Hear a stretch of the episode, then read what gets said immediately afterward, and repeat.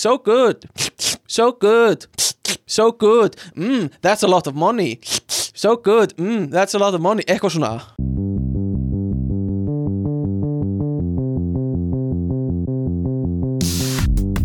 Halló er eitthvað að frétta? Já það er ekkert að frétta. Já það er ekkert að frétta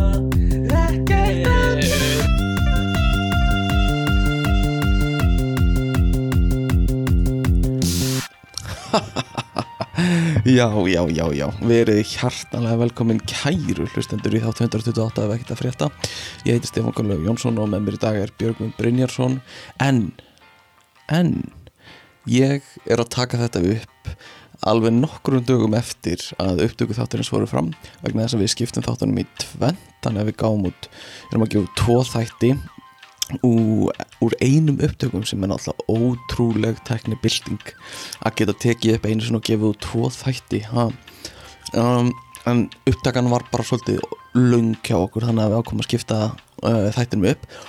Í síðustu gáum við þáttum mentun þar sem við vorum að spjalla bara og, og, og grínast eitthvað um mentun uh, þessa vikuna ætlum ég að gefa út um, spjallið okkar í byrjun þar sem ég og Björgum voru bara að svona taka smá catch-up og, og ræða hvað verið gangi í heiminum og, og það var alveg rosalega langur kapli og, og mjög skemmtilegur þannig að ákvæm að skipta þið bara upp alveg sér. Þannig að hérna, þessi þáttur snýst ekki um mentun er ekki partur af mentaseríun okkar og er bara við eitthvað að, að flippa. Um, og já, hvað að taka smá intro uh, fyrir þetta uh, með tyggjó í mununum fyrir þá sem eru viðkvam þau sem eru viðkvam fyrir því. Þá tyggja hérna beint í mikrofónin senkt um kvöld. Og um, langaði bara að segja að hérna styrtaræðilega þáttarins í dag eru um, keks keks mikil fengur fyrir mig að fá keks sem hérna, styrtaræðilega uh, ég segja þetta ekki að því ég er að borða keks ég er ekki með tvo kekspakka að opna fyrir fram að mig. Að borða tvö mismöndi keks um, það er ekki ástæðan fyrir ég að segja þetta. Um, en keks eru styrtaræðilega þáttarins í dag keks gott við hvert einasta tækifæri. Keks það er slagur þeirra. Eitthvað svona. Um, og uh, rauðvins dagsins í dag er mjölk um, ekki að því ég er með mjölkuglas sem ég voru að drekka og, og dífa keksinu mínu í, nei, það er ekki, ekki ástæðan frí það er rauðvins dagsins í dag. Það er bara uh, mjölk er góð fyrir katta krakka sko. Um, en hérna við ætlum bara að hoppa beint inn í spjallið þar sem ég spyr Björgun hvað er að frétta? Og hann segir það er ekki neitt að frétta eða eitthvað sluðis þegar hann hefði náttúrulega átt að segja ekkert um, þeir takk ég eftir því. Um, en ég kveð ekkur þá í byli og uh, svo tek ég kæru hlustindur, þetta er náttúrulega töfurartæknar ég ætla að taka upp smá ádró ádró, útgang úr, úrgang, niðurgang. Niðurgang og, og eftir sem ég ætla að setja svona í lok þáttar eins. Þannig að þið fáið smá niðurgang frá mér sem þið getið mm, þeir, þannig að þið vitið að þátturinn er búinn. Og hérna annars bara kasta ég beint inn í þáttinn. Gjör það svo vel En uh, Björgvin, hvað er að frétta? Það er ekkert að frétta Já, það er, það er ekkert að frétta og hérna, uh, það er nefnilega ekkert að frétta nema að það er svolítið mikið að frétta hjá þér af því þú fóst út í hérna í júli bara snemma í júli og mm Mhm. fóst uh, í svona interrailferð er það ekki? mm -hmm. Um Evrópu Ég, ég mitt, já Við hérna stoppiðum í tvo daga í Den Haag Ha, og svo fórum við bara af stað í þryggja veikna ferð. Fórum, byrjuðum í Den Haag fórum já, til að gera langa sögu stutta í gegnum Berlín uh, og, Prag í Teklandi, Budapest uh, þaðan niður til Kroatíu allar leið niður til Split. Þá vorum við komið svolítið langt sögur á bóðin já, og svo tókum við ferju uh, yfir til Ítalíu og gegnum Ítalíu uh, Norður Ítalíu og svo Östuríki og þaðan heim aftur. Þannig að við tókum svona ring já og þú þroskaðist gríðarlega mikið er það ekki á þessari ferð?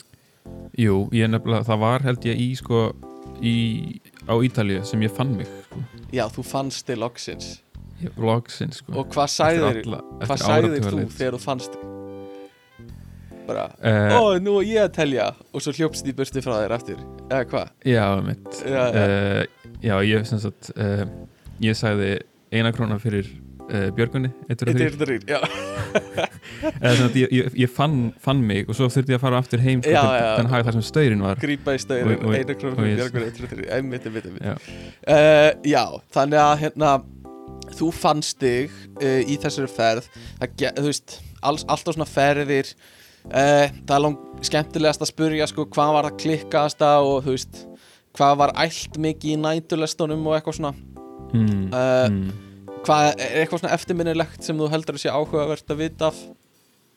Eða var þetta allt bara freka boring og velskipulagt Þetta var svolítið sko, PC ferð þannig sko. Uh, þú veist, næturlestin eru, við tókum alveg nokkra næturlestir. Það var ekki allt í neittni þeirra. Oh, því miður ekki af eh, ykkur allavega. ekki af okkur, nei, Uh, eflaust hefur einhver allt í einhverjum þeirra. Mm en þær voru samt, voru samt svona mis, alveg misgóðar og kannski ef ég ætti að gefa einhverjum ráð sem Mm. er að fara í næturlestir í Evrópu er að ef þú getur valið veldu neðstu kójuna Já, einmitt. Uh, og það segir sér eiginlega sjálft sko, þegar maður pælir aðeins í því. Uh, Hristingur. Hérna, hristingurinn er minni þar sko. Já, já, og við, tókum alveg vel eftir því sko, í fyrstu næturlestinni frá Berlín til nei, frá Den Haag til Berlínar að þá vorum við sko í efstu kójunni mm, og við sváum ekki bön Nei, nei, nei. Uh, og hérna það var bara, já hérna, Ég sé bara að þetta er svona, svona, það er svona stríðs einhvern veginn svona thousand yard styr á þér. Bara svona PTSD akkurat. einhvern veginn. Bara þessi já, ég, end, ég var að endur upplifa þetta núna. Já, já. það er ríkalegt sko. En já, Já, það er gott tip sko. Uh, og uh, já. Kemur en heim kannski, ég, ég get sagt eina, eina örstuttasögu bara til Mm. þess að segja einhverja sögu. Já, já, já, uh, hún er, hún er bara skemmtileg sko. Við Ok. vorum þarna í uh, þessum bát frá sko, uh, Split í Mhm. Króatíu til Ancona á Ítalíu uh, eða ferja og hún var yfir, yfir nótt sko. mhm, og þú veist, það var hægt að kaupa miða í hérna eitthvað svona káetu, tveggja manna káetu eða fjóra manna káetu eða Já. eitthvað það var svolítið dýrt þannig að við keiftum, við keiftum bara far með ferjunni og enga, engan stað til að gista á. Uh, og við, við vorum að vita eða samt að lesa um það eða heyra því að veist, þú þarft bara að finna þér einhvern stað til að sofa á Já. og við vorum svona þokkalega heppin að við vorum svona með þeim fyrstu inn í bátinn og við fundum einhvern bekk bara í sko, þú veist, það er eitthvað svona salur með sviði og, mhm. og bar og eitthvað og þar voru einhver svona freka mjúkir bekkir og við bara hertókum, þú veist, ég veit það ekki 5 metra eða eitthvað af þeim bekk. Og bara, við bara tókum það frá sem þetta var okkar svæði. Um, á meðan aðrir þurfti að liggja bara á gólfinu eða eitthvað.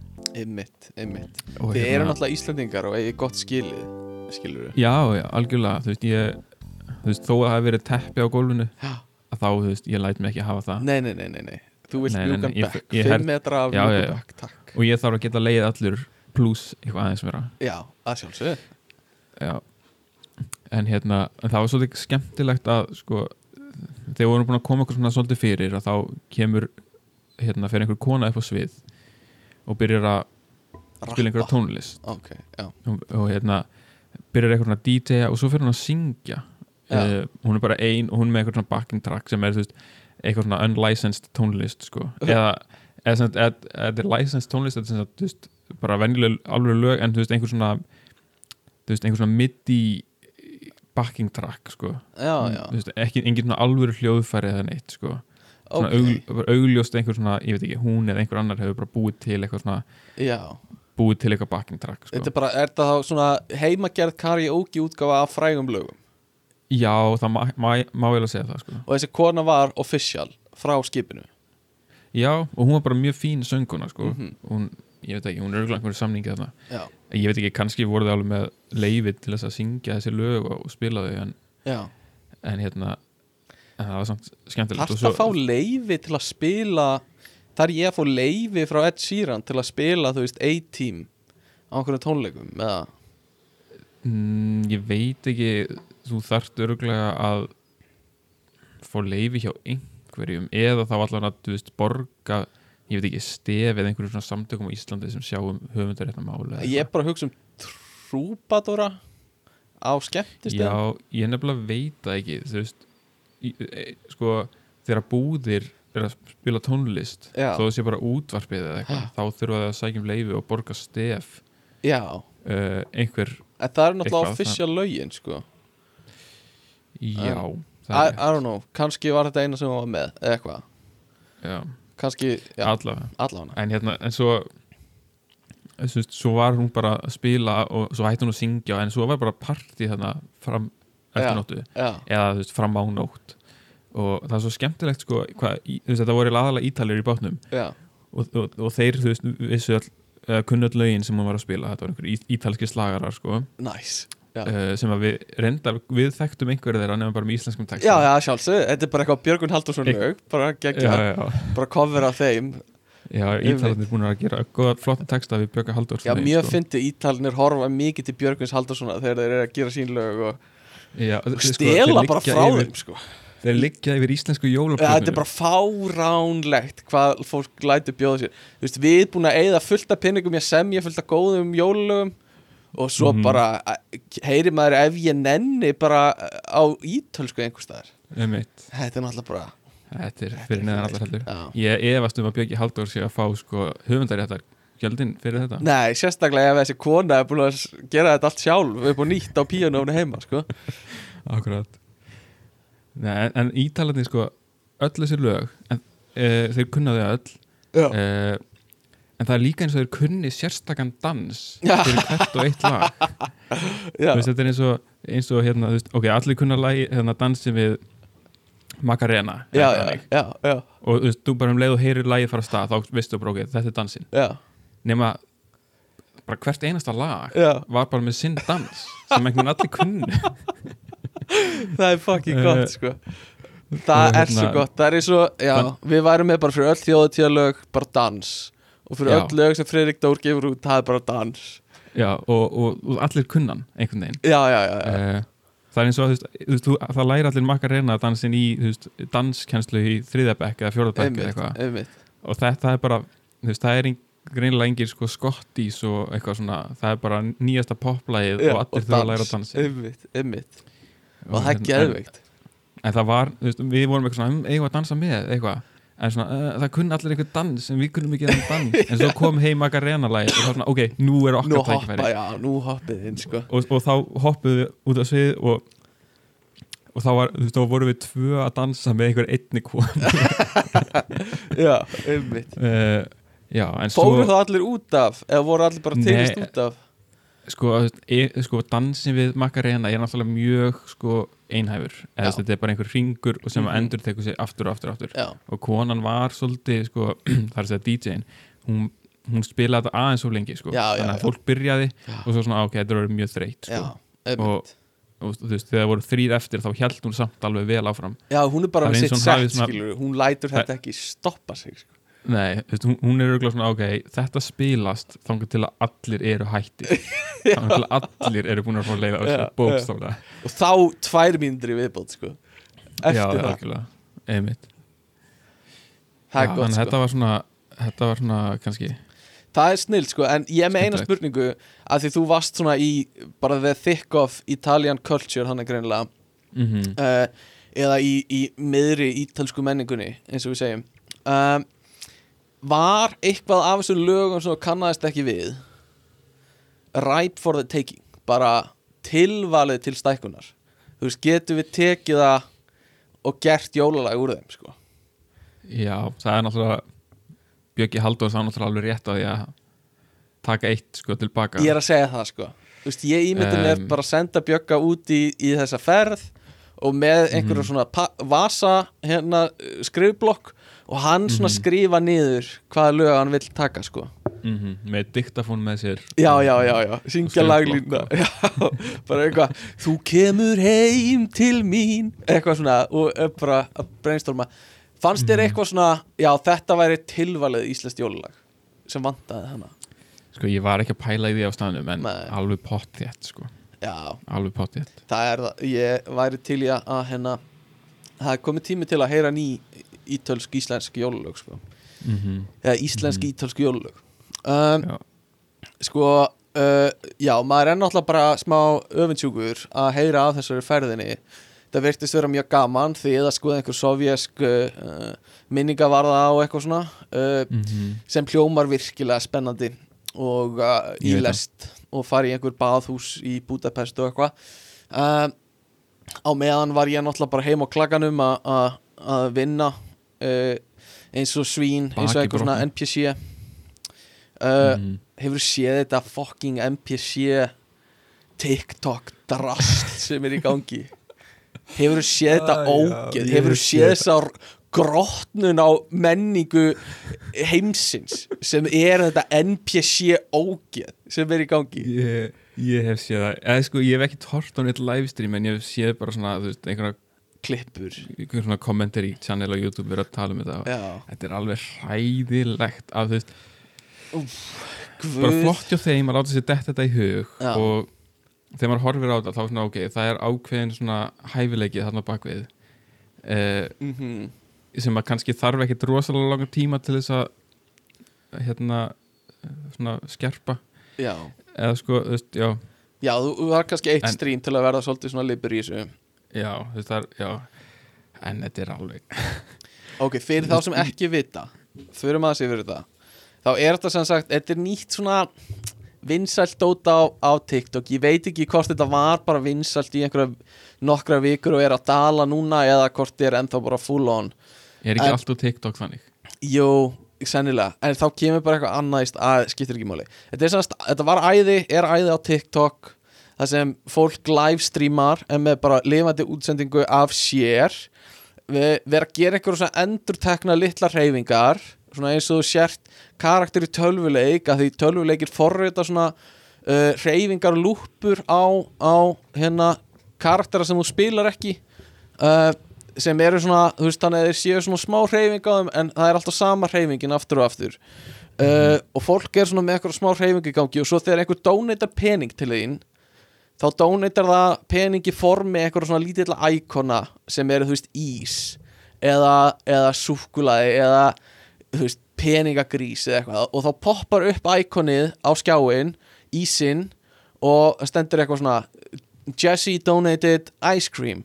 Og þá kemur gaurinn sem er að, að, að með livestreamið brýtur hann út úr endurteknu hreyfingunni sinni og kemur með eitthvað svona fyrirfram ákveðna hreyfingu sem er eitthvað svona sleikja mm, so good eitthvað svona og fer svo aftur í endurteknu hreyfingunni sína. Og hérna þá líður þeim sem er að donata eins og sé að stjórna karakternum í tölvuleiknum. En það er alvöru manneskja bak við það sem er að gera þessar hreyfingar. Og svo getur þú donate og svo er bara verið að donata endalusti röð. Þannig að þú veist manneskjan sem er að livestreama er bara so good, so good. So good, mm, that's a lot of money. So good, mm, that's a lot of money. Eitthvað svona. Kemist aldrei í, sko, aftur í lúpuna já, já, þetta er svo, þetta er svo fucking ah, að, að hlusta á því útskýra þetta þú veist, ég uh, þetta er sko, þú veist, ef þú mér langar að segja, þú veist, ef, ef ég hefði heyrtið segja þetta fyrir fimm árum já það var bara nei. Uh, já uh, en, en ég veit ekki það er einhver svona kenningur um að þetta er vinsalt alltaf að því fólki finnst næs allir ekki segja völdin sem það hefur en að þeir fá eitthvað svona út úr því að sjá eitthvað bregðastu peningunum sem þú gefur því og einhvern veginn, þú, það þarf að gera það. Eða þú veist, þú hefur þessi völd yfir þeim. Og um, þú veist, svo verður þetta kynferðislegt líka, það blandast Já. inn í þetta þannig að þetta verður eitthvað svona valda kynferðisleg orka sem kemur inn í þess- þessi strím, að þetta eru oft myndalega stelpur sem oft eru, þú veist bara að íta undir kynþokka sinn sem er bara gott að blessa en þú veist, þetta verður svo, þetta verður svo skítugt þegar þegar þegar verður eitthvað svona pening og þú veist, bara gerðu það sem ég vil og, hend, og ég hendi því pening. Og svo eru sum, þú veist, sumir streamerar eru með eitthvað svona kynferðislega hreyfingar sem þú veist, þegar þú dónitar pilsu íkoni þá gera það eitthvað svona tott hreyfingu eða eitthvað svona eins og þú sé að totta tippi sem er bara svona þú veist, hvað er í gangi hérna? Þú veist, hvað hva, og, og þetta er live á TikTok og fullt af krökkum eru bara eitthvað svona dáleiti yfir, þú veist, þetta eru skærir litir á íkonum og einhverju broskallar og eitthvað svona pils svo er eitthvað svona, eitthvað svona konur sem er bara svona eitthvað að endur taka einhverja hreyfingi, einhverju svona rithma þannig að þú dáleiðist svolítið við að horfa á þetta þú veist, í einhverju svona trans þetta er fucking rugglað og ég veit að Argrimur Einarsson, vinnur okkar hann er mikið að, dónita í svona sko. Nei. Nei, ég er að grínast Mér lákaði bara að fá hann til að senda mér skilabóð þegar hann hlustar á þetta. Bara hvað er þetta að segja? Uh, En allavega, þetta er fucked Þetta er vel fucked trend. Uh, En svo er fólk að tala, þú veist eitthvað svona, ég grætti bara þúsund dollara á þremur klukkutímum með því að vera NPC streamer. Og hérna, þú veist, það, það er fá bara fucking mikið pening þessi vinsælustu, sko.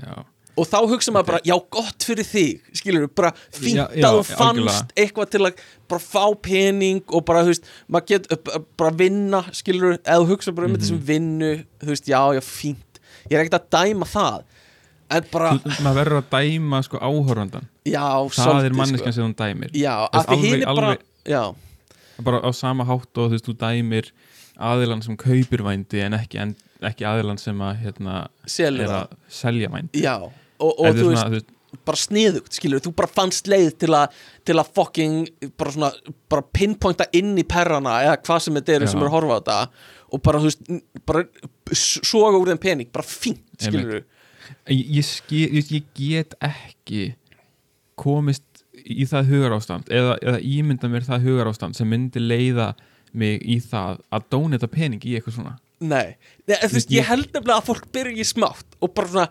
hæ, hvernig virkar, hvað ef ég prófa byrju, prófa eina pilsu á einna hálfan dólara Herri, já, hún, tótt, hún gerði tóttringu, þetta er svolítið fyndið. Ok, ég gerir þrjár pilsur, sjá hvað gerist þá, eitthvað svona.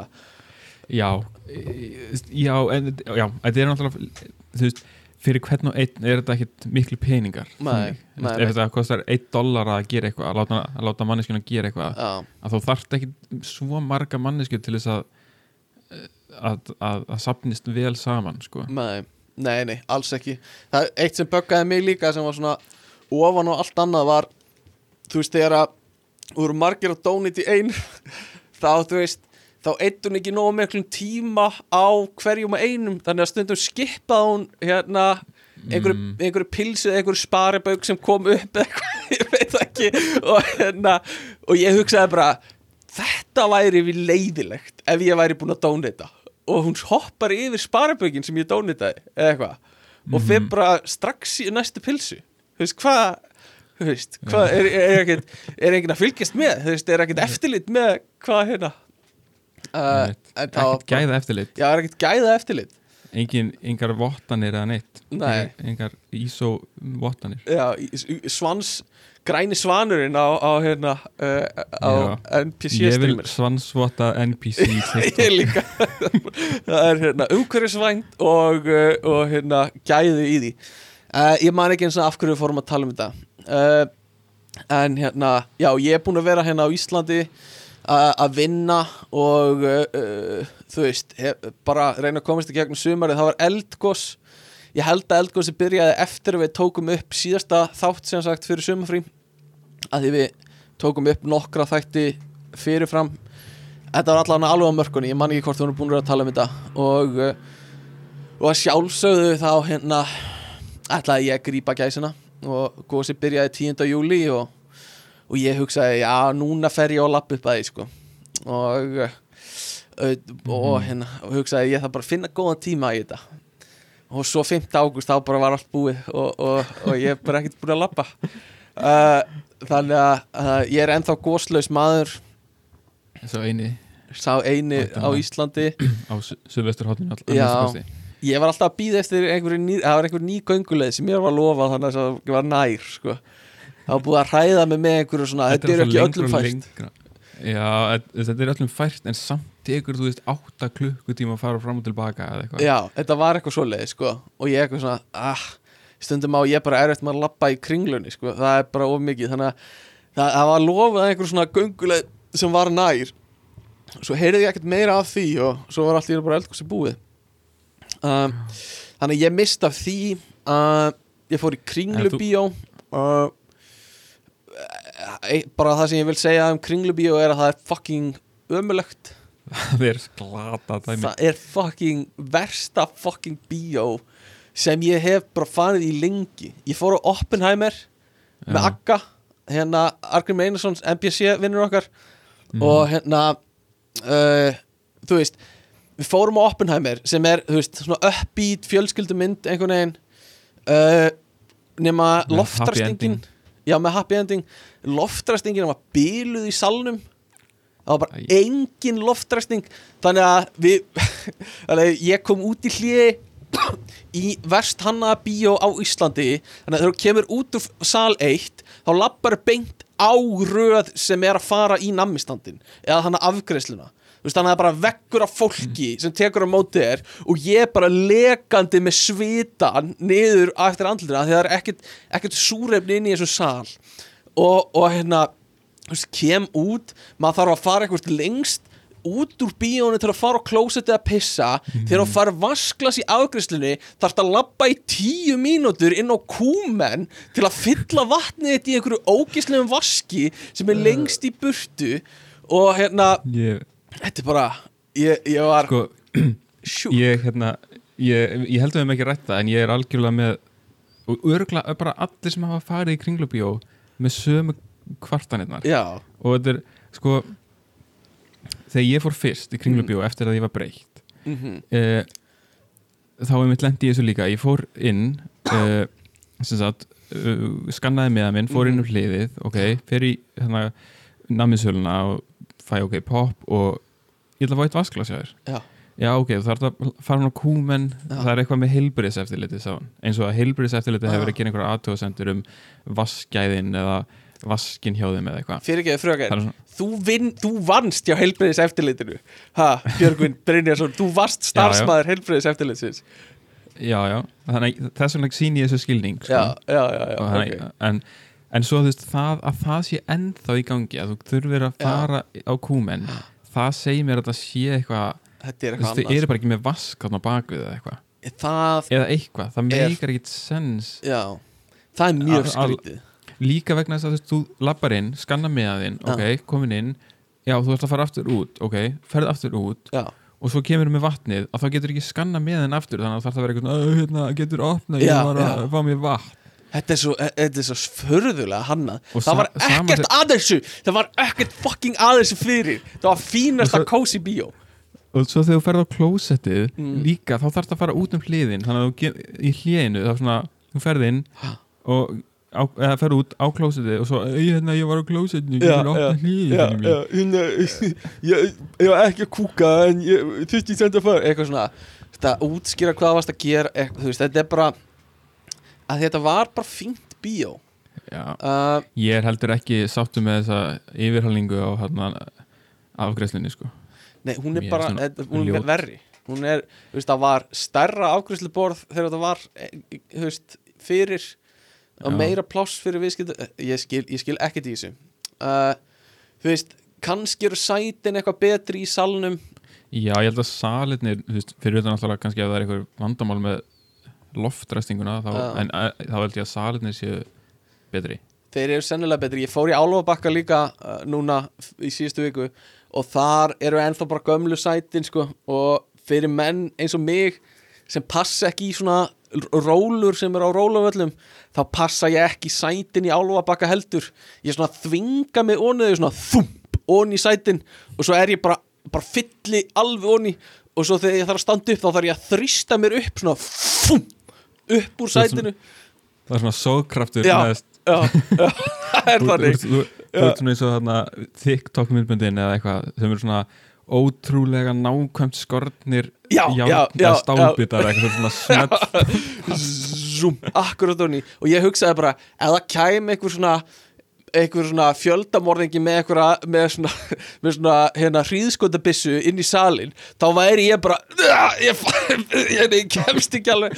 Eh, þump! Og svo festist ég þump, eitthvað svona. Það væri ekki gott sko.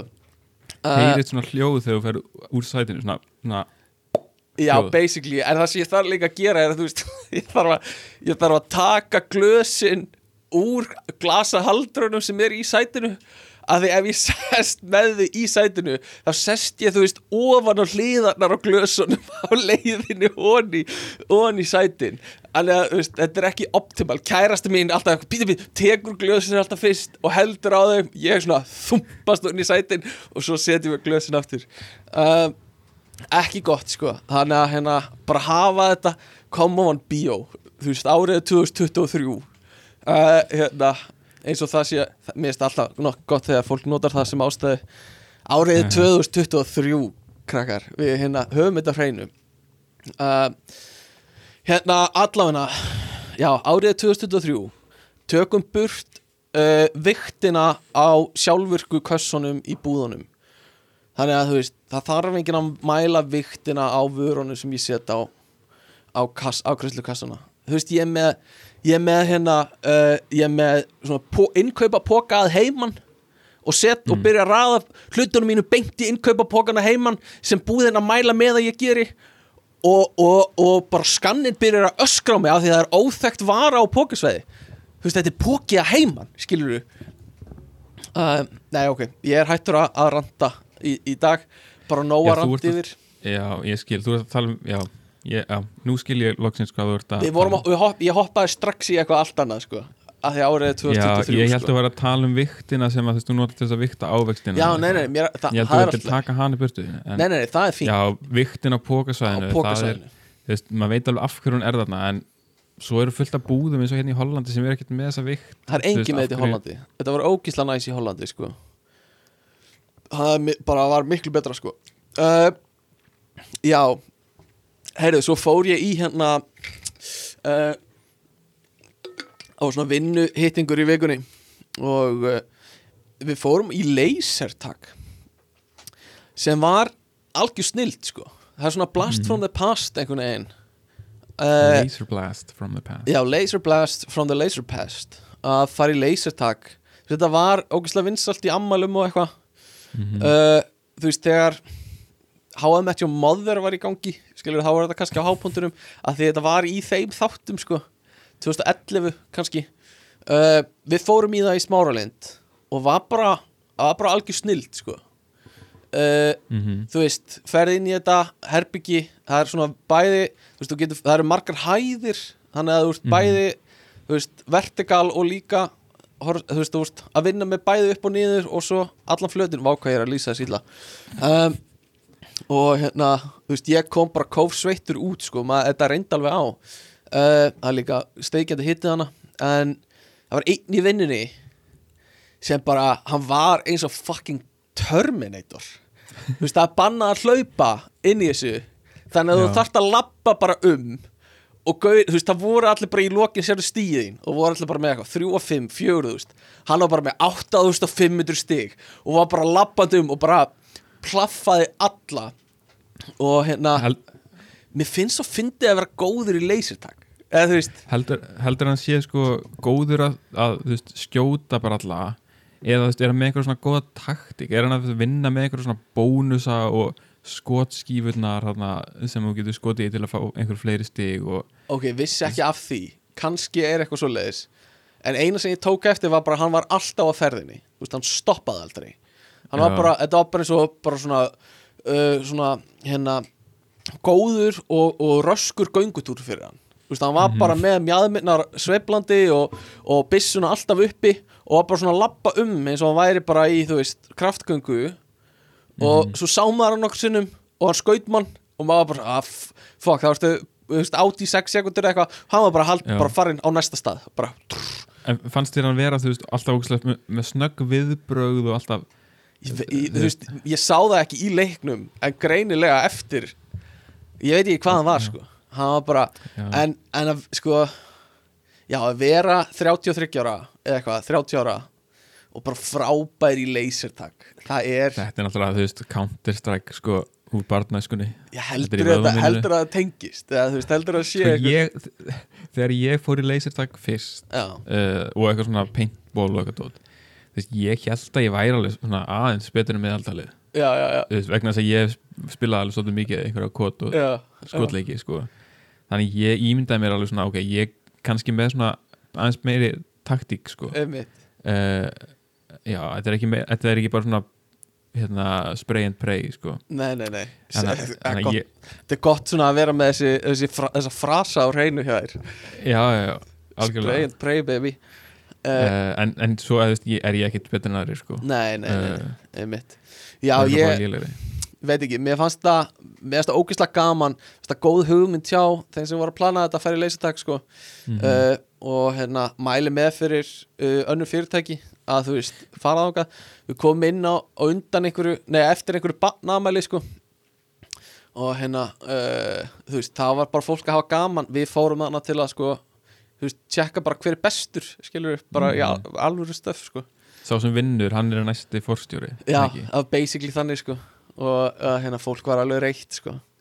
Um, já, en Sko, hérna mér, hérna, ég verð að segja bara uh, mér langar svolítið að prófa sko, mér, mér langar að veist, leysirtak inn á vinnustanum já, þú já, þar sem fólk er að vinna bara í opna, opna skrifstofur í minu það er fullt af stöðum til að veggir til að á bakvið Já. og borð til að fara undir og einmitt, einmitt.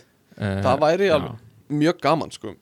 Bara slökka ljósin, setja eitthvað svona gott veist, hérna, Einmitt. ljósa sjó í gang og, þetta var alltaf hugmynd í, í, í grunnskólanum okkar, í garðaskóla að hérna, það væri gaman að prófa en svo gerðist aldrei en, en hérna ég held, þetta er ekki frábær hugmynd sko. Uh, ég ætla að stökka og pissa, ég kemur þetta smá. Um, já, en hérna já, fyrsta haustlæðin er svona gangi yfir landið akkurat núna. Þannig að Íslandi fara að sína sína réttu liti eftir tvær vikur á sumri. Uh, já, hvað hérna eitthvað sem hefur drifið á þína daga hann að þessi ferð? Mm, sko, ég get sagt þér frá uh, einu. Af því þú ert, sorry, þú ert, sorry, sorry bara til að gefa smá kontekst þú býrð í Hollandi í þessa önn, þangli í janúar. Kærastæðin er námi úti og þú ert að vinna Aha. bara remote hjá fyrirtækinu hérna á Íslandi. Þannig að þú ert bara að vinna heima hjá þér á daginn. Já, já, já og til að gefa aðeins meira kontekst þá saði Björgun mér að uh, í morgumat þá veldur hann sér upp úr rúmunu fer fram, fær sér kaffi og banana og dýfir banananum í kaffið og borðar hann og lappar með þetta tvent inn í herbyggi og byrjar að vinna. Uh, já, eða sem uh, veist það ekki alveg rétt að ég dýfi ofan ég heldur helli kaffinu yfir bara yfir bananan og gerir svona kaffi TikTok þess að þú sér svona kaffi leka svona hægt yfir, svona satisfying já, einmitt uh, þannig að það er kontekstið sem við höfum hérna. Björgur vinnur mm heima. Ég ætla að segja þér, sko, ok. Ég var í eða, sko, nei, uh, það er svona hérna, ok, sorry, byrjum með nýtt kynning mm, byrjum það, en, en, sko, Ok, sko. hérna mm, Já. það er svona kynningavika í skólanum hjá Unu mm -hmm. uh, einhver svona prógram sko, uh, bæði hjá skólanum og svo er eitthvað svona, svona allir skólanir hérna í Den Haag, allir háskólanir eru með eitthvað sameiginlegt prógram. Já. og eitt af því var sem sagt uh, bara eitthvað svona bíó það var farið á Barbie. Uh, æðislegt, frábært. Erstu búin að sjá Barbie? ég er búinn að sjá Barbie, fór á hana í Álabakka þumpaðist niður í sætið. Gott, gott. Já, já, já, uh, Við samt fórum að Barbie og sem er, sem er ekki frásögur færandi nema við komum út og hérna og við förum að eða svona tölum við einhvern gæja sem að er svona hluti af skipulagst heiminu aha, fyrir þessa viðbyrði þarna. Og svo og það er allir hann sem er í þessum nefndafélugum og dóti, þeir eru allir að rekrúta í eitthvað svona alls konar dót, þú veist, við vorum búin að tala með einhverja gæði sem voru að rekrúta fólk í sko, einhver nefndafélög eða einhverja Mm. klúpa og hérna, einhvern svona róðraklúp og eitthvað svona. Já, og hann kemur eitthvað svona eitthvað svona spyr sko hvort að ég hérna hefði áhuga að koma og spila rugby eða Já. svona rugby, samt, ekki amerískan fótball heldur rugby, já en þú ert gamall amerísku fótboltamaður. Varst Já, að ég æfa var það í- í tíma? var í amerískan fótball það já, og, og hérna og ég segi eitthvað svona, neða, ég hef ekkert svo mikið áhuga. En þá, þú veist, þetta er bara svona gæja á okkar aldrei eða yngri. Og þá, þú veist, kemur hann með þess eitthvað svona þú veist, grípur Hann þjættingsvast í hendina á þér já, og svona næstu því Kvistlar hann- að svona- alltaf svona lemja í mann eitthvað svona að það ekki að það ekki komið í rugby eitthvað? Svona alveg karlmanna sport eitthvað þessa, ræðu eitthvað svona, don't you wanna play a manly game eitthvað svona eitthvað, henni þann, eitthvað þannig tal sem ég bara, ég skil ekki af hverju einhver þú veist, á okkar aldri eða yngri, þú veist, Mhm. er í þeim pakka já, einmitt. Og, og svo eitthvað svona svo hérna hann eitthvað svona tekur upp síman og uh, setur á hérna svona, sem, til að setja nýjan kontakt eða eitthvað svona, Já, og eitthvað svona if you wanna play a manly game eða eitthvað svona then you put your number in here. Oh eitthvað svona rétt, svo bara setur síman bara svona bytt í andlitið á mér. Fyrir upp að kvistlar uh, Ég hef aldrei verið jafn óörugur og ég er núna En uh, ég þetta hjálpaði mér mikið. Eitthvað svona. Já. Mhm. En, og ég, ég sagði bara mm, I'm not interested. Mm. ég hugsaði svona hálfa segundu hm, ætti ég að setja símanum mér? Og svona "Ah, I'm not interested. Mhm. og þá fyrir hann eitthvað svona að tala við unu eitthvað svona uh, og reyna, og reyna að fá hana til þess að segja að ég sé pussy. Eitthvað svona, seg, eitthvað svona já, oh ég man ekki hvernig orða þetta eitthvað svona eitthvað svona uh, eitthvað svona, oh he's a like, say it with me og Una bara veit ekkert hvað hann er að fara að segja eitthvað svona, he's a pussy. Eitthvað svona. Og við erum bæði bara eitthvað, er þetta að djóka, hvað er í gangi? Af, af hverju er þetta að tala svona við okkur? Uh, og ég, ándjóks- eitthvað say it with me he's a, he's a Una bara veit, æst, hvernig er hún að vita já, hvað hann er að fara að segja? Uh, og eitthvað, he's a pussy. Og við bæði bara, what, hvað er það uh, og hérna svo, var- svo er einhver sem kom að bjarga okkur eitthvað svona bað gæna að taka mynd af sér eitthvað þá bara Mm. hlupu upp burtu Já. ég, ég, ég átta mig bara ekki á því uh, veist, ok, ef, það er fínt að reyna að rekrúta fólki eitthvað svona activities en þú veist, ef, fólk segir nei þú veist, ekki Já. kalla það pussy Kannski var hann búin að prófa alls konar mismunandi aðferðir Og hugsaði bara, kannski. þú veist, ég, ég, ok Ok, Jason, þú prófar núna þessa aðferð Einmitt. Og svo eftir þetta var hann bara Jason, hvað varst að fucking gera? Aldrei aftur, Jason. Aldrei aftur. Eitthvað svona. Já, Ég vil halda það. Að hann sé já, mjúkur. Ég, ég, vil alltaf fara í svona að koma út úr svona aðstæðum að hugsa það besta svona reyna að finna svona tíu mögulegar útskýringar á hegðun viðkomandi. Svona, hm, kannski var þetta allt bara eitthvað miskili grín. Já, já, já. eh, kannski fannst hann honum vera úksla fyndin Mm og ég bara, þú veist, kannski er þetta mér að kenna kannski fattaði ég bara ekki grín Ég held að þetta sé þér að kenna sko. Ég held það sko. eh, alltaf úr svona já, þegar maður lendir í einhver svona skrýtum aðstæðan þá hugsaði alltaf svona, hm, var þetta mér að kenna gerði var ég ég eitthvað að rangt? miskilja eitthvað Veitu, Pussy, Eh, er það kannski bara er fyndið? ég kannski er ég kannski bara Er fyrir að ég? vilja ekki spila rugby Ég held, Eh, já, ég held að ég sé það Ummitt uh, En þetta sko Þetta tekur okkur svolítið inn í sko uh, Frétti vikunar Að því Beggi Ólafs þetta var, nokkuð, þetta var ekki hann, er það? Sem var hann að þetta var ekki hann. Nei, nei, nei. Hann er auðvitað búin að lesa bækunar hans. Já, pottið. Hann er hérna svona uh, uh, uh, Maskulin aktivist uh, Mhm. Kallmanns aktivisti uh, hann er svona Jordan Peterson hérna fátaka fólksins hérna á Íslandi. Já, ég hugsaði að megi alveg segja það sko En hann var með aðeinslega Var í einhverju drottningaviðtali eða eitthvað Hvað var þetta? sko, þetta ok, ég get sagt því hvað þetta var þetta var ekki viðtal þetta var bara, hann var bara í einhverju hlaðarfstætti Já, já, já, þetta var bara svona, Hérna. svona Tekið úr hlaðastærtinum já, e- eins og vísir gerir tekur hlaðarfsviðtöl og lætur uh, skrifar þau út eins og þau séu eitthvað svona viðtal sem að Já. hlaðarmari og vísir tók næstu því Sem ég hef góðar heimildir fyrir Að er oft bara hlaðvarp stjórnendunum sjálfur uh, Að senda á Alla helstu miðla. Bara svona samantækt úr þáttum. Já, já, já, það getur alveg verið. Uh, ég, ég hef það bara frá fyrstu hendi Frá starfsmönnum vísis. Mm Að stundum, ekki alltaf Já, En já, stundum er það já, þannig. já, þetta var allan eitthvað svona gauðra podcast með einhverjum Mhm. svona einhverjum, einhverjum svona dútum sem alltaf þessi einhver, einhverju gæðir Já. og þeir voru með Becca Ólafs hérna í, í viðtali. Já, og, og ég ætla að hérna hann allavega var, með þau skilabóð sko til uh, til þjóðarinnar að hérna hann segir ég held að þú eigir ekki að sofa hjá öllum stelpum þó þú getur það. Já, já, já. Sem Eh. ég hugsaði bara býtunum við, ég hef verið að gera þetta alla mína veginn, ég hef skilgreitt svolítið karakterinn minn út frá því að ég sé að sofa frá öllum stelpum að því ég geta það sko. Uh, Mhm. hann er einhvern veginn bara umturna svolítið heimsmynd minni núna. Með sem er að gera Já, þetta ekki. Já, einmitt, ég nefnilega hef alltaf litið á Becca Ólaf sem svona gæja sem að einmitt sefur hjá öllum stelpunum. Já, eða vegna þess að hann getur það. Að því hann getur það sko. En núna er hann að segja mér að sko ég eigi ekki að gera það. Eða hann heldur að ég eigi ekki að gera það. Já, já, hann segir ég held að þeir ekki gera það.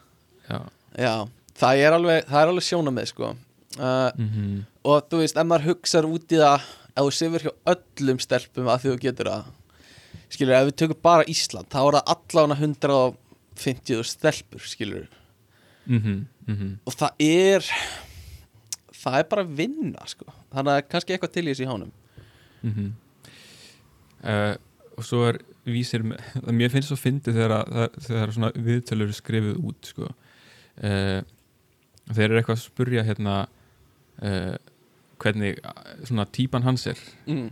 já, Eh, af, af, hann, af, hann er, af maka já, já, hann, því hann er nú hérna nýlega orðin einhleipur sko ah, greiði kallinn já, Aðspurður hvernig típan hans sé útlitslega segir Beggi vera opinn fyrir öllu.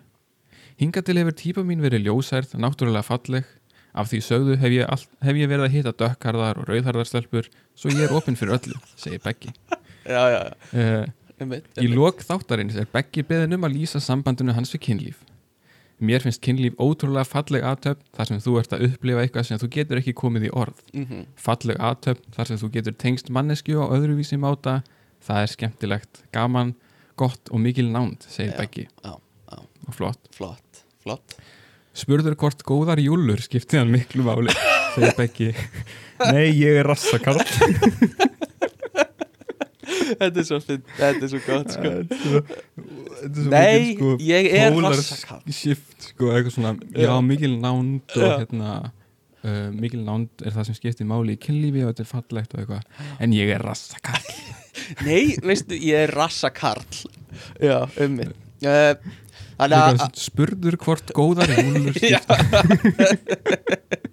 aðspurður segist hann uh, Já, þetta er, mjög, þetta er mjög fyndið að líka skrifa Þú veist, væntarlega hefur þetta verið meira í flæði í þessum podcastætti sko. ég veit það, þess vegna er svo, þetta brýtur allt flæði þegar þú skrifar þetta svona eins og þetta sé eitthvað svona drottninga viðtali eða eitthvað svona Já. merkilegt sem hann er að Já. segja Einmitt. Og líka að sko bladamanni finnst þetta Það er mikilvægt að koma þessu á framfæri einhvern veginn Aðspurður Mhm. segist hann.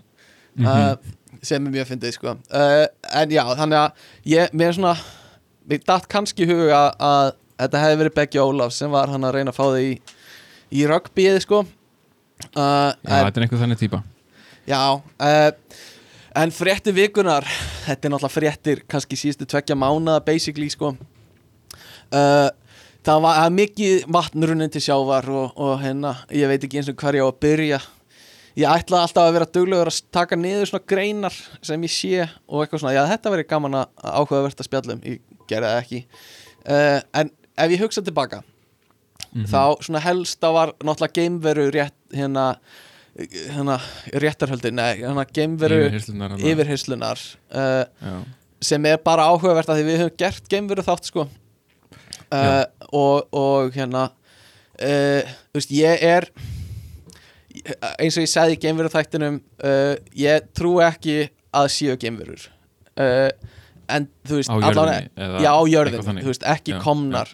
mér finnst alveg, alveg rökrétt að, að halda að sé líf einhvers þar út í geiminum en, en ég trú ekki að sé eitthvað svona deep state þar sem er geimverur eða, eða annað líffræðilegt form sem er, sem er já, gáðað gáðaðri menninir eitthvað svona bla. Mhm. uh, en engu að síður þá voru þessir yfirheyrslur voru alveg svona býtum við, Mhm. hvað segir Mhm. eitthvað svona, af því þetta voru sem sagt uh, réttarhöld fyrir fulltrúadeild bandaríkjaþings uh, þar sem voru fengnir uh, mikið af yfirmönnum innan hersins í bandaríkjunum bara svona mjög viðkendar aðilar uh, og svo einhverju svona flugumenn og einhverju aðri sérfræðingar sem voru basically að segja að það væru hérna eh, einhver gameskip eða eitthvað svona e- einhver, einhver ruglutækni sem væri ekki manngerð sem hefði fundist. Og það væru uh, líffræðilega leifar af flugmönnum þessara skipa sem væru undir höndum uh, bandaríkja uh, einhverja delta. Eða það væri bara til eitthvað non-human life sem væri Mhm. uh, uh, eitthvað. Að fljúa gameskipum. Að fljúa gameskipum basically. Mhm. Og þetta voru bara viðkendir aðlar að segja þetta og svo var einhver með rosalega yfir, yfirlýsingar og þessi sem var með mestu yfirlýsingarnar þú veist, hann, þú veist, hann basically sagði að það eru til sannanir fyrir þessu þær eru allar hérna, leynilegar, þú veist, það eru ekki opnur Mhm. almenningi en það er hægt að sanna þetta ef þið bara opnið þetta fyrir almenningi eða hafið lokaðar yfirheyrslur bara fyrir ykkur þannig að ég geti sínt ykkur sannunagögnin veist að það voru svona stæstu vendingarnar í þessu. Þannig að, að hérna, uh, Reddit, hérna UFO subredditið á Reddit Mhm. var að missa sig á tímabili sko, og er ennþá að því. Og ég hérna fæ stundum svona á þegar ég er að skróla Reddit poppar upp svona eitthvað frá þessi subredditi. Og þar var fólk bara hvernig eru almenningur bara að fara í gegnum daginn sinni eins og ekkert hafi gerst bara hvernig eru það að mæti vinnuna áfram? Það er bara, þetta er að breyta öllu bara ég skil ekki hvernig við erum ekki bara að breyta öllum heiminum núna, eitthvað svona. Þannig að fólk var svona uh, já, mis uh, uh, tók þetta mis svona mikið inn á sig. Hvað er svona þín hugsun eftir þetta? um, ég held einhvern veginn að þrátt fyrir allt þetta og ég er náttúrulega ekki jafn mikið inn í þessu og þú Mm að þá samt einhvern veginn hefur ekkert breyst fyrir mér. Nei, ég myndi samt ennþá segja eftir, mynd, uh, að mér finnst það mjög ólíklegt. Já, að það sé jafn svona jafn merkilegt eins og þetta hljómar þarna. Mm -hmm, mm -hmm. eh, já, veist, vegna þess að veist, og ég skil alveg að, að, að þessar upplýsingar væru leynilegar en það er samt einhvern veginn það er samt eitthvað svo lítið um útskýringar, Já. það er engin að fjalla um þetta í rauninni af neinu viti. Nei, eins og þetta sé eitthvað merkilegt. Einmitt. Eins og svona, ég veit ekki hvort að fjölmiðlar sé bara einhvern veginn sammála um það að það sé ekki áhugavert Já, að það sé ekkert til þess að Einmitt. taka það mikið mark á að það Nei. breyta einhverju fyrir einmitt. almenning að vita eða Nei, það er náttúrulega uh, partur af sko rökunum hjá mestunötturunum er, þú veist þetta er, þetta er samsæri, sko. Mm, fjölmiðlar vil ekki fjalla um þetta, sko. Þeim er sagt að Mhm. fjalla ekki um þetta. Og eitthvað svona. Uh, en ég er á sama stað, sko. Uh, mér finnst þetta alveg gaman. Veist, mér finnst gaman að horfa á þetta og fylgjast með þessu, en ég hérna ég trú ekki á þetta, sko. Uh, ekki, ekki svona þannig. Og, og hérna þú veist, það eru engar sannir sem liggja fyrir, það eru bara einhverjir, einhverjir kallar sem hafa sagt mjög svona uh, lo loðin svör við þessum spurningum. Mm um, en, en hérna uh, já, þetta var enga síður þetta var enga síður svona smá spennandi fyrir ákveðin hl- hóp fólks sko. Uh, en, er en, það, en ég hef það fyrir víst mm, að geimurur eru væntalega á Snæfellsjökul innan bara örfára mánuða nú, þurfum við ekki að sapna fólki saman þar jú, við þurfum að safna öllum helstu fjölmiðlum og, og, og selja merch það má líka alveg gera það. já, þannig að já, við lökum til þess að, hitta þær gemverur um, svo er svolítið trending núna að tala um kvalveðar um, Mhm. ég er á því að þá bara slaufa þessu inn á Íslandi. Um, það er náttúrulega einhverju hagsmuna aðalar sem berjast fyrir að hafa þetta. Ég hef um einhvern tíma rætt þetta áður í podcastinu og þá var ég að tala um þú veist uh, ég held ég hef sagt þá þú veist fyrir mér persónulega þá skiptir þetta þú veist eh, að að halda kvalvið að ganga þetta engum máli þannig að mér finnst alveg eðlilegt að að slaufa því uh, Mhm. og, og banna. En það sem ég held ég að hafi minnst á var að þú veist ég skil ekki alveg af hverju hva, þú veist, af hverju það á að drep, ekki að drepa kvali en það á að drepa önnur dýr. Eða þú veist, hvað er sérstættu kvali uh, og það kemur í ljós bara að, að leiðin sem er farin að því er frekar ógisleg uh, Mhm. þú veist, að, að láta þá lifa þjást í einhverja klukkutíma draga, Mhm. draga þá lifandi eftir bát og eitthvað svona sem er algjör viðbjóður sko og hérna, þannig að, að hluti af því er örgulega líka að þeir eru einhvern veginn álitnir einhvern veginn svona meiri vitsmunaverur heldur en mörgunur dýr já, en það er það sem ég var svona svona, var svona eh, ok, er, er Já. einhver lína? Eða þú veist, hvaða Já, línu erum við að draga í Einmitt. því? Þú veist, svín eru nefnilega líka alveg vitsmunaverur sko. Já, um, og, og já, svona meira reyna að skilja það hvað er, hvað er við kvalina sko. Uh, Mhm. að því í mínum huga voru, þú veist, eru kvalir bara uh, svipuð á flest spendýr á svona þannig séð. Um, en kannski er það ekki, kannski eru þeir kannski skiptir eitthvað svona gáfur miklu máli í þessu sko. Um, en en, en ég, ég er eiginlega á eins og þú segir meðferðin sko, já, meðferðin Já, já, sennilega aðferðin. skiptir meiri máli. Og ég er 100% á því núna og var og hefur verið lengi, ég var líka þegar við töluðum um þetta síðast. Bara slaufa þessu, eða þú veist, þetta er bara hættum þessu bara. Þú veist, hvað erum við að gera hérna?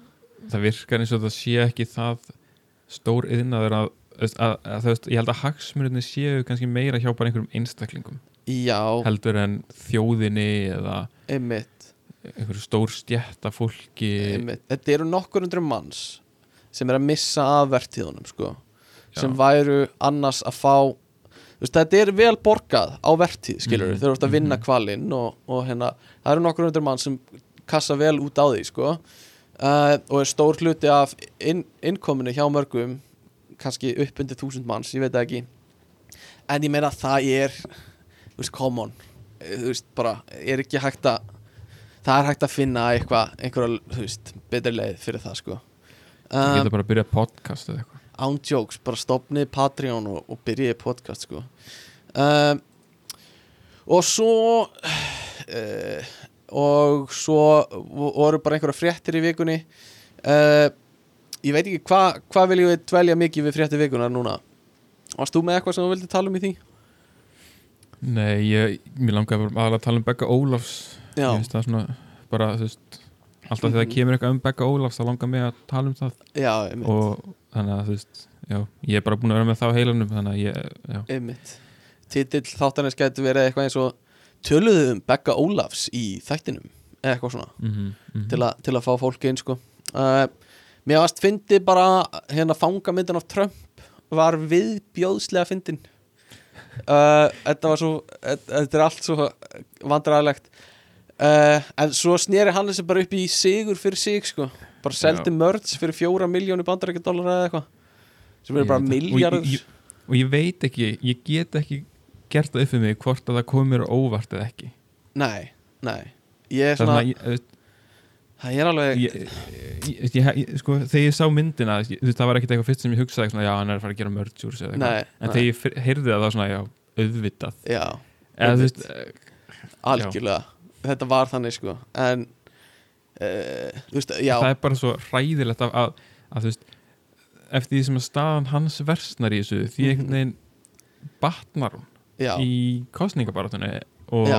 þú veist, að sapna pening og eitthvað svona. Einmitt og í, í for, forvali republikanaflokksins þá þú veist hann nefndi ekki eins og að mæta í kappræðina sko. Nei, hann bara, þið vitið fyrir hvað ég stend eitthvað. þið vitið, já, ég græði ekkert á þessu. Ég ætla að borða McDonalds og, og spila golf í staðinn sko. Uh, en engu að síður það er alveg fréttnæmt að það var tekin fangamind af fyrirverðandi fórseta og að hún hafi verið svona fucking lúðaleg sko, það er alveg fyndið. Uh, en Ég sá líka flei, það, það fangamyndir frá af fleirum sko, sem hafa verið kerðir í þessum málum. Mm, og þær eru flestar kannski talsvert betri heldur en þessi sko. Þú þannig er hann eitthvað svona hann horfir eða svona hausinn snýr niður og hann horfir upp í já flestir hor- horfa bara svona beinti myndalina svo er svona ein, einn og einn allavega ein kona sem ég man eftir sem bara brosir í já. kannski er bara vönd í alltaf þegar hún í myndalina Já, og svip, alveg 100% Mér, það er alveg fyndið sko, ég veit ekki Trump, hann hefur örgulega ákveðið að hann ætlaði að vera svona á myndinni eða eitthvað, verið búin að strategíða þetta sko.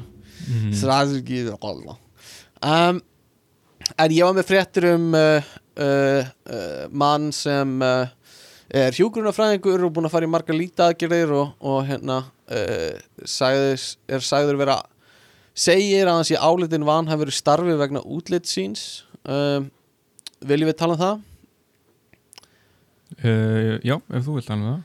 Uh, ég veit ekki alveg hvort við viljum dvelja lengi við það. Þetta er, allan, þetta er strákur sem hérna uh, Viktor Heiðdal bara lítur út að vera mjög fín strákur. Uh, ég held að máli síðan ég ekki hengi mig á þetta, ég veit ekki alveg nákvæmlega. Ég held að hann sé búin að fara í svolítið að líta aðgerðum uh, og uh, og að fólk uh, skjólstæðingar hans á spítalunum sem sagt uh, eru eitthvað svona uggandi yfir því. Um, sem uh, mér finnst uh, já ég veit ekki hvað ég hef ekki sterkast skoðun á þessu að fara í lítið aðgerðir sko. Þannig séð Nei. myndir þú einhvern tíma að fara í lítið aðgerð Ég held ekki, sko það er náttúrulega við verum að gera greinamun á líta aðgerð og fegrunar aðgerð já, Það, veist, já, já, lít að, þú veist, ég myndi fara í líta aðgerð ef að, veist, ég lendi í bruna eða, eða þú veist, já einhver þannig aðstæður sko. En Já. ég held ég myndi að aldrei fara í fegrunar aðgerð bara nei, til þess að laga á mér nefið eða laga á mér kinnbeinin, hækka þau eða beittari högu eða eitthvað. Ég það er sé það ekki alveg fyrir mér sko. Nei, það er góð punktur. Uh, og hérna ég held við eigum ekkert að dvelja of lengi við þetta. Uh, önnur frétt var það að vera að grafa upp rosa mikið einhverju fordlegum einhver staðar á Íslandi uh, sem er áhugavert út af fyrir sig. En mig langaði meira sko að pæla hvað er fólk að grafa upp eftir þúsund ár þú veist, hér eða nún, eða þú veist í framtíðinni. Mhm. uh, að grafa upp hérna skeifuna. Það er bara miklir fornlega fundir þar sem áður stóð skeifan þar sem greinilega mikið menningar svæði hefur verið eitthvað svona. Einmitt, uh, og hvernig svona heldur að heimurinn sé eftir þúsund ár? Sko ég sé fyrir mér að það fyrsta sem ég hugsaði þegar, hérna, þegar þú nefndir þetta er að sko í hverju húsi verður podcast mic? Já, já, já, það mun já, finnast podcast mic í hverju húsi. Og fordlega fræðinga framtíðan halda að þetta sé eitthvað svona eitthvað skurðgóð já, sem að allir dýrkuðu um mitt uh, hérna, það verður, já, potið sko. Og allir hérna allir uh, deyja með einhver svona ferning fyrir framann augunum. Það er grafin upp alltaf við hliðin á öllum eða svona hestanir hjá vikingunum sko. Það var, já, hérna, já, var uh, eplaferningurinn var grafin upp með öllum sko. Já. uh, en þú veist heldur við verðum ennþá að búa á Íslandi eftir þúsund ár já, ef það verður byggð almennt í heiminum þá já, já, veist, ef, ef, að, ef að veður aðstæður fari ekki Leyfa. eitthvað rugl. Já, já, þú veist, ef það kemur ekki ísöld eða einmitt. En heldur við höfum ennþá aðgang að arkæfinu internetarkæfinu þú veist sem er núna? Þú veist getum við séð gömul vídeo af skeifunni eftir þúsund ár? Ég er ekkit sannfærður um það. Nei. uh, mann finnst einhvern veginn eins og veist, jú, ok, bækur geta brunnið í einhverjum eldsóðum þar sem að hérna þú veist, Aha. heila borgirnar uh, brenna eins og kaupanahafnar brunnin eða eitthvað dótt, Mm. Já. sko en mér líður samt eins og þurfi svo lítið til þess að bara allt YouTube fari já, já, já veist, uh, bara það þarf einn góðan svona sólar hérna uh, sólgós á sólinni sem sendir Mhm. rafsegul bylgjunar yfir í jörðina og bara útrýmur öllum serverum á, á, í heiminum eða bara, ok, ég veit ekkit hvernig efnið á, hjá Google er allt geimt, það væntalega á fleirin einum server og Aha. þú veist, með backup á backup og eitthvað en veist, ég, ég er svona að hugsa núna um um, þú veist, dagbækur sem fólk skrifaði mhm. þegar var fyrir, mörg, fyrir einhverjum hundruðum ára eða Já. ekkert einu sinni hundruðum ára uh, veist, margir hérna, merkir einstaklingar sem að heldur dagbækur sem að Mhm. varðveittust og eitthvað svona og síðan eru geimdar á bókasöfnum og eitthvað já, en, en fólk sem kannski er með einhverja vídeodagbækur kannski Mhm. á geimir það kannski bara uh, á Google já dræfinu sínu eða einhverju öðru dræf mhm. hérna, einhverstaðar upp í skíunum og mann líður eins og það sé meiri hætta á því að það í fyrsta lagi mun aldrei finnast já, uh, og eða þá að hérna uh, eða því að það muni eyðast Já. auðveldar heldur en einhver Einmitt. dagbók myndi eyðast sko. Það sem er náttúrulega ekkert ólíklegt að gerist er að þú veist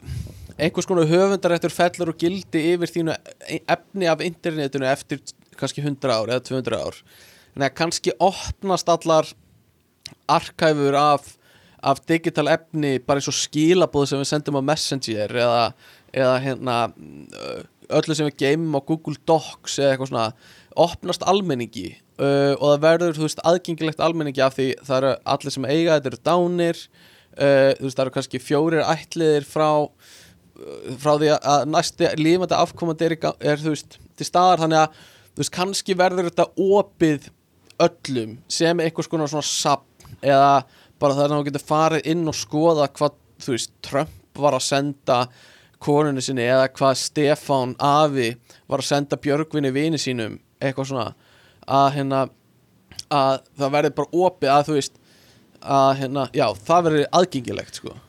En eh, ég er svona ímynda mér sko hvernig myndir byrja þetta saman? Ok, segjum að ég sé með fullt af skjölum já, inn á Google Drive hjá mér. Uh, og ímyndum okkur og, og, ok, þetta gæti verið já, bara hvaða skjöl sem er, þú veist, Mhm. einhvernir eða verkefni úr skóla eða Mhm. einhverja hugleðingar sem ég hef sett niður á blað eða whatever uh, og ég geimi þetta bara alltaf á Google Drive og segjum að Google Drive muni endast lengur heldur en ég muni Já. endast og svo, svo dey ég og, og þú veist, muni afkomandi mínir fá aðganga þessu öllu saman Nei, Ég held uh, ekki, sko. því að eins og ef, þú veist, ef ég hef, segjum að ég hefði verið á lífi fyrir 100 árum síðan og ég hefði geimt þetta allt saman bara á pappír já, í, þú veist, upp í geimslu og svo dey ég og ættingja mínir þú veist, það fara þeir vantalega í gegnum allt drastlið mitt og sem er þá í rauninni þeirra drasl núna já. og sjá, veist, þá hafa þeir aðgang að þessu og þá er Mhm. þetta þeirra dót Já, Þú veist, ætti drasl, þú veist, dótið sem ég er með á mínu Google Drive ætti Mhm. það ekki að vera hluti af því sem að erfist áfram Nei, og ég held að mínar þetta, eigur. þetta er eða veist, á ég raunverulega ekki það sem Já, er inn á Google Drive. það er held ég meira málið sko. Ég held að Google eigi upplýsingarnar um þig. Uh, ég held að hérna uh, þú veist mm, þú ættingjareinir geti ekki gert kröfu á endilega gögnin sem, sem þessi stórfyrirtæki eiga. Uh, en ég held mögulega að það gæti verið einhver svona höfundaréttur á þeim eða einhverjættur á þeim gæti dottu og gildi eftir einhvern langan, langan tíma sko. það er bara pæling hjá mér skilur, að kannski hérna uh, muni eitthvað svona opnast uh, svo held ég líka að uh, uh, þú veist uh, að ég man ekki hvað ég ætla að segja Hva, hvað finnst þér um það? mér finnst það alveg hræðileg tilhugsun ef að Google Aha. á dótið mitt eða, eða á einhvern höfundarétt á dótinu eins og bara myndunum sem ég geimi á Google Photos. Já, uh, og Já. að ættingja mínir veist, myndi ekki fá að eiga þær uh, og, og ráða hvað þeir gera við þær. Uh, þú veist, það er náttúrulega eitthvað þú veist, bara fólk er að deyja núna og ég veit ekki, það er örgulega eitthvað protokóli kringu það. En ég held samt að Það Google munum mögulega eiga það sko. En, en gæti þú veist, gæti ekki Google þú veist, ef ég ef að, hérna, ef ég myndi deyja og ættingja mínir segja, þú veist, getur við fengið aðgang að Google Drive-inu, hans Björgvins mm til þess að fá myndirnar og eitthvað, heldur að Já. þeir myndi s- gefa okkur eitthvað svona, eða gefa ættingja mínu bara eitthvað svona bara einhverju view aðgang þannig að Það ekki gæti tekið verið. myndirnar út eða eitthvað Já, það gæti verið það- og kannski það eru er- þeir nú þegar búin að taka afrið þeim þó að þeir haldið þessi að dílda þeim þá eru það ekki uh, það, það er eitt að þið taki afrit af þeim en, að, Mm. en að ef að ættingja mínu get ekki tekið myndirnar og áttar og, og geimtar á þú veist, physical formi ef þeir vilja það. Já, Eh, eða þá að eða myndirnar verði einhver almenningseign. Já en það er það- við erum bara, ég er að tala um það eftir bara þú veist kannski 200 ár. En það er Já, bara eins og ef það- finnast myndir núna einhver staðar, þá fara þær yfirleitt bara safn þó að ættingjarnir séu til sko. þú veist þá bara Já, fer að sjá hvernig Ísland var árið 1802 eða en ég held að ættingjarnir þurfi þá að þú veist, ef þetta eru mynd, myndir sem eru búin að erfast í tvo ætliði eða eitthvað ég held að það sé ekki orðan almenningsegn nema að sá sem er með myndirnar sko gefi þar einhverju safni. Já, en þetta er þú veist, þetta er meira Já, ég veit það ekki. Þetta er ég, ég held að gæti or- gerst eitthvað svona sko, eitthvað svona höfundaréttur sko.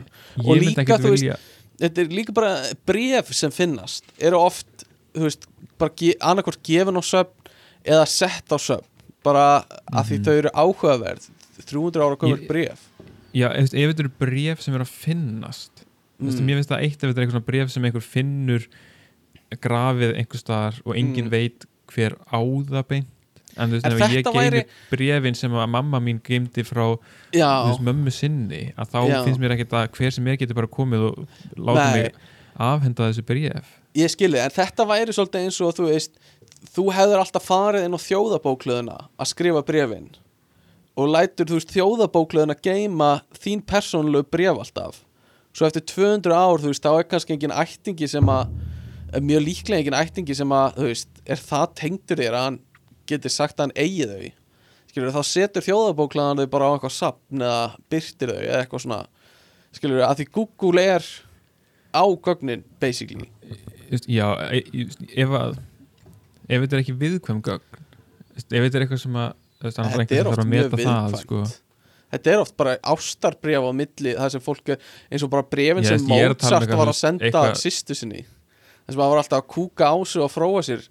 Eitthvað svona ógisleg og mannst þetta því já, ég er uh, ég man eftir því uh, sem eru mjög Þú veist, fyndi hérna- bref en, já, en mér sko, mm, mm, já, er erfitt að segja, að þú veist, það eru eru kannski bref sem einhver hefur gefið og veist, bara eða, já, ég veit ekki, veist, einhvern veginn komist þær í hendur, veist, þeirra sem skrifuðu æfisögunar hans eða Já. eitthvað Já. og þú veist, það vænta, við veitum ekkert hvernig það gerðist, kannski Mhm. var einhver sem gaf þau bara. Uh, ég held bara að þetta gæti gerst ég held bara að þetta gæti gerst af því gögnin er ekki á server heima hjá þér. Þau eru hjá Já. Google sko. Og ég, það, það, bara það sem ég myndi ekki vilja er eitthvað risa fyrirtæki út í heimi Já. geti gert myndir sem ég tek sem að, að einhverjum bara stokkfótó eftir 200 ár sem að hver sem er getur sótt og, og gert eitthvað við.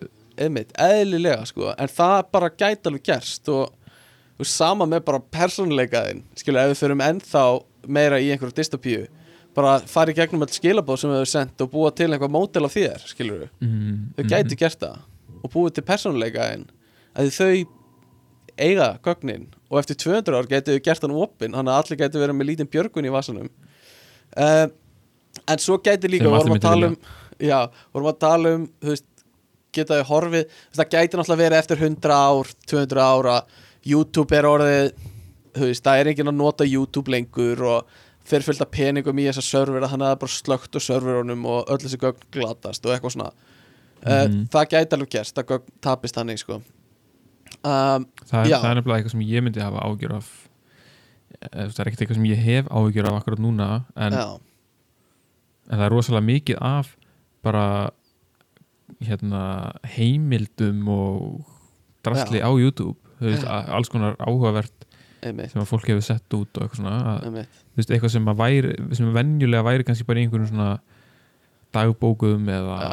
einhvers konar bladaritgerð eða svona tímaritagreinar og eitthvað þú veist, einhver svona eh, video essays sem eru veist, og reynd og ok eitt annað tengt þessu, ég veit að við erum búin að tala ógislega lengi um en þú veist með, mun, með hérna svona vídeo, segjum bara essay eða eitthvað, sem Mhm. geta oft verið hérna bara vel ígrundar og eitthvað, veist, Aha. að það er svo erfitt að leita að einhver efni í þeim samanborið við tímarit að þú fyrir á tímarit.is og getur bara að leita eftir orði en á, í, með svona myndband eða, eða hlaðvarp eða eitthvað þá eiginlega- það verður allt- með góðri veit það verður mun- indexað sko og bara, þú veist, transkræpað og indexað og eitthvað svona. En ég skil en hvað þú ert að heldur fara að með þetta. yrði allt gert? Heldur að Já, ég get alveg trúið að það kemur eitthvað. Það er byrjað nú þegar, þú veist, það er náttúrulega öll YouTube myndböð transkræpuð sjálfkrafa núna. Það á bara eftir að halda áfram og það er geimt í einhverju gagnabanka sem er ekkert mála að ofmeðbera sko. Um, en svo gæti náttúrulega líka verið á einhverjum tímapunkt að við þurfum að geima hluti í einhverju svona geimslu aðferðum sem krefist ekki orku og þá er þetta orðið minna vandamál, þá er hægt að geima þetta endalust bara eins og ef við myndum geima það í einhverju svona líffræðilegum uh, geimslu aðferðum eins og bara ef við getum encodað prótín eða, eða DNA með upplýsingum Mhm. sem er bara mjög basic skilur uh, þannig séð. Og þú veist eins og eð, þegar þú fær sáðlát þú veist þá eru einhver miljón terabæt af upplýsingum geimd í sæðinu þínu bara í þessu litla sæði skilur og ef Mhm. það er hægt að gera þú veist bara ef við getum fara að skrifa niður í svona líffræðileg prótín sem er alveg Mhm. kenning um að, að gerist skilur þá getur þau bara geimt það í einhverju miljón ár á þess að eðilegist sko uh, sem er mjög áhuga er svona, er, er það svo? Eða, ja, mm, það er eitthvað degradation á því en þá Já. væri, þú veist, þá væri tolerance í, þú veist, þá myndir þú skrifa allt með einhverjum aðferðum til að gera fault tol- tolerant. Þannig að, þú veist, ef að eitthvað eðist þá ertu með backup af því, bara eins og, þú veist, við notum bara, bara nútíma arkitektúr á geimslu á digital gögnum, sorry hlustendur sem hafa engan áhuga á þessu. Þetta er alveg, þetta er svona þetta er alveg, þetta er mjög leðilegt fyrir einhverja. En ég er bara að segja veist, það væri hægt að nota alls konar hugmyndafræði sem við gerum í dag digitali Mhm. Fyrir svona líffræðilega geimslu aðferðir til að geima gögn mjög lengi á þess að krefjast orku.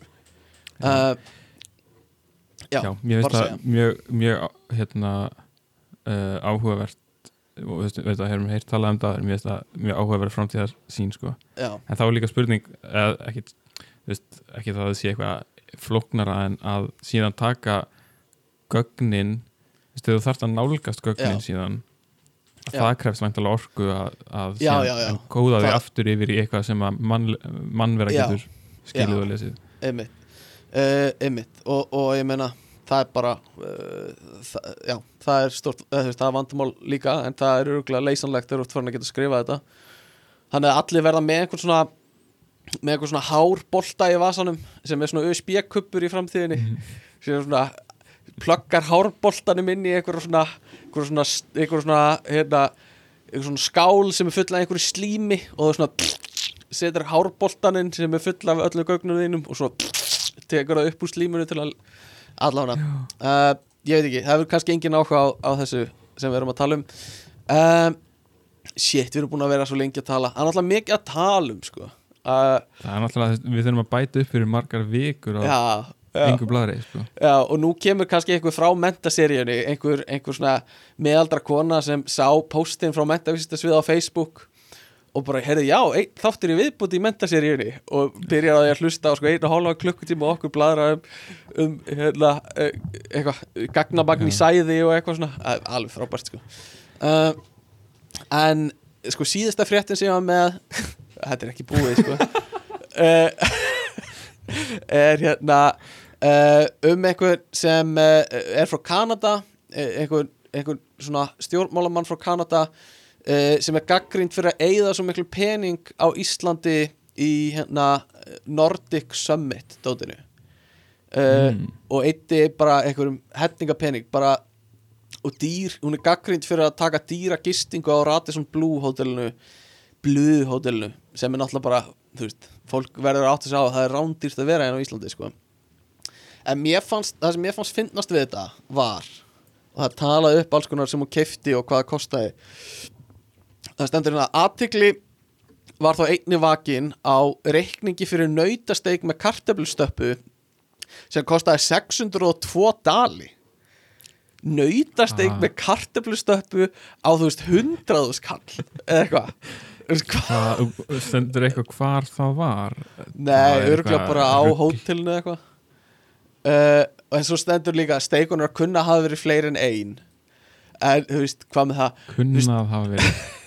Þetta hljómar eins og svo mikið bara svona heimilismatur bara eitthvað nautakjöt og svo bara eitthvað svona karteflu stappa með því sko. Þetta er bara hakkaböf ja, þetta er bara hakkabuff með brúni sósu og, og karteflumús uh, þú veist, hundra áskall fyrir það. En hún var líka að fá einhverjar einhverjar limósíur og, og hérna eitthvað uh, eitthvað drasl.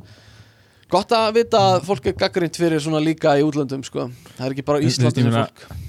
það er líka alveg veist, skrítið að sko skýr desert með einhverju svona mulningi og Já, jarðaberja sósu kosti 238 dólar en það er samt skrítið að það sé skrifa svona á, á reikning sko. Já, það er það sko. Stó, Stóð það líka í greininni? Já, eða, veist, ég er að skoða veist, reikningin eða sem sagt mynd af einhverjum svona Já, já, einhverju reikningi. Um mitt eða kvittun eða eitthvað. Það er alveg mjög fyndið sko. Uh, En hérna uh, Þetta voru fréttum vikunar Við erum búin að fara yfir það Og það er eiginlega bara svona næstu heill þáttur Eftir þetta. Ég verð ég verð endara, þú veist, það er eitt í viðbótina mm. sem ég veit ekki, þú veist, ég veit uh, Oxygen Service. Já, fyrir 602 dólara Oxygen Hvað er? Service. Er það ég, Einu sem ég, myndi mér bara einhver svona súrefniskútur sem er komið með upp á herbeggi til einhvers? Eða Ísland er komið á þann stað að það er að rukka fyrir að draga andan já, á svona, landinu sko. Já, þetta er svona ferðamanna skattur Já, eða þetta er eitthvað fyrirtæki sem heitir Oxygen og, og hérna býður upp á einhverju þjónustu. Það er líka Water Service og Lavatory Services. Já. Já. Uh, já, einmitt. Já, jam, jam, jam. En hvað þetta var gaman Hvað þetta var skemmtilegt. Þetta eru náttúrulega svo skemmtilegi strákar. Mm, Þessi strákar sem voru í þættinum að spjalla. Nei, en uh, ég er bara að afkynna þáttinn hérna hjá okkur í dag. Um, Þátturinn er sem sagt búinn og, og uh, ég, klukkan er eitt um nótt hjá mér nokkru dugum eftir þessar venjulegu upptökur hjá okkur þar sem ég er að reyna að sjóða saman þáttinn í eitthvað sem make a sense og uh, ætlaði bara að kveðja ykkur uh, núna að þegar við tókum ekki upp svona hefbundin niðugang eins og, eins og vanalega. Þannig að ég segi bara að styrtar alveg þáttunins í dag voru keks, virkilega góð keks, góð við öll tækifæri alltaf eitthvað svona. Uh, og dagsins í dag var mjólk gott, mjólk góð til að dýfa keksi í eitthvað Þetta er að ég er ennþá að workshopa þetta. Mm, En hérna Sendu okkur endilega post á ekkert að frétta gmail.com eða ekkert að frétta á Instagram og hérna það væri virkilega, það er alltaf úkislega gaman að heyra í hlustundum og, og heyra hvað eitthvað finnst. Um, Annars bara held ég að ég segi þetta gott í dag uh, að þeim langar að klára edita þess að þætti er orðið mjög margt og, og það mikið í gangi og hérna en að sjálfsögðu gefið mér alltaf tíma fyrir hlustendurnar hlustendurnar okkar. Uh, en ég segi bara uh, hafa eigið góða viku og, og njótið þess að vera til. Það er ekki það er ekki sjálfsagt. Þannig að bye